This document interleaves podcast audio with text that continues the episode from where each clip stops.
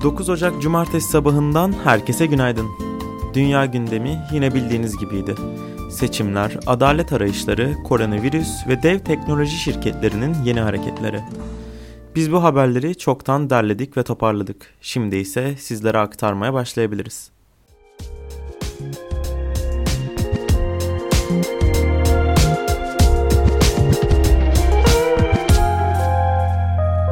İsrail, sokağa çıkma kısıtlamaları gerekçesiyle Başbakan Netanyahu'nun yolsuzluk ve rüşvetle yargılandığı davanın duruşmasını erteledi. Başbakan Netanyahu tüm suçlamaları reddederken düşman medya kuruluşlarının da cadı avına kurban olduğunu iddia ediyor. Koronavirüsün bir etkisi de son yolculuk törenlerini oldukça değiştirmiş olması. Çek Cumhuriyeti'nin en büyük krematoryumunun da kapasitesinin iki katı çalışmasına rağmen artık cenazelere yetişemediği açıklandı. Ostrava valisinin daha önce böyle bir durumun yaşandığını kimse hatırlamıyor. Olağan dışı bir durum açıklamasıyla koronavirüsün nedenli tehlikeli olduğunu bir kez daha düşündürüyor. Alman otomobil üreticisi Mercedes-Benz, elektrikli otomobil modeli olan EQS üzerinde kullanılacak yeni eğlence ve bilgi sistemi Hyperscreen'i tanıttı. Devasa boyutlarıyla göze çarpan Hyperscreen, yapay zeka ile birlikte çalışmasıyla dikkat çekiyor. Hey Mercedes ses komutuyla çalışabilen Hyperscreen, günlük kullanımlarda da sürücüye rahatlık sağlaması için tasarlandı. Örnek olarak her salı günü işten çıkıp belirli bir kişiyi telefonla ararsanız, yapay zeka sayesinde Hyperscreen sürücüye işten çıktığı anda aynı kişiyi aramasını hatırlatacaktır.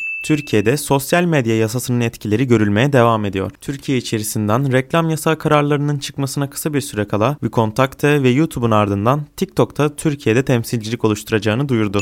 Bali'de 2002 yılında gerçekleşen ve 202 kişinin ölümüne sebep olan patlamanın sorumluluğunu üstlenen El-Kaide bağlantılı Cemaah İslamiye isimli terör örgütüne ruhani liderlik yapan Ebu Bekir Beşir, Endonezya'da çıktığı mahkemenin kararı sonucu serbest bırakıldı. 2011 yılında İslami militan yetiştiren bir kampa fon sağlama suçundan 15 sene hapis cezasına çarptırılan Beşir hakkında Ülke Adalet Bakanlığı'ndan verilen cezayı tamamladığı için tahliye edildi açıklaması geldi. Kanada erken seçime gidiyor gibi gözüküyor. Kanada Başbakanı Justin Trudeau, liderliğini yaptığı Liberal Parti, avam kamerasında birinci parti olmasına rağmen karar alma çoğunluğuna sahip olmaması nedeniyle 2023 yılında yapılması planlanan seçimin 2021 yılında yapılabileceğini ifade etti. Ayrıca Trudeau, muhalefet tarafını COVID-19 kapsamında hükümetin aldığı tedbirlere destek çağrısında da bulundu. Bugünlük de maalesef bu kadardı diyelim. Yarın için burada olamayacağız. Fakat pazartesi günü haftalık bültende ve hafta sonu gelişmelerinde görüşmek üzere. Sağlıkla kalın.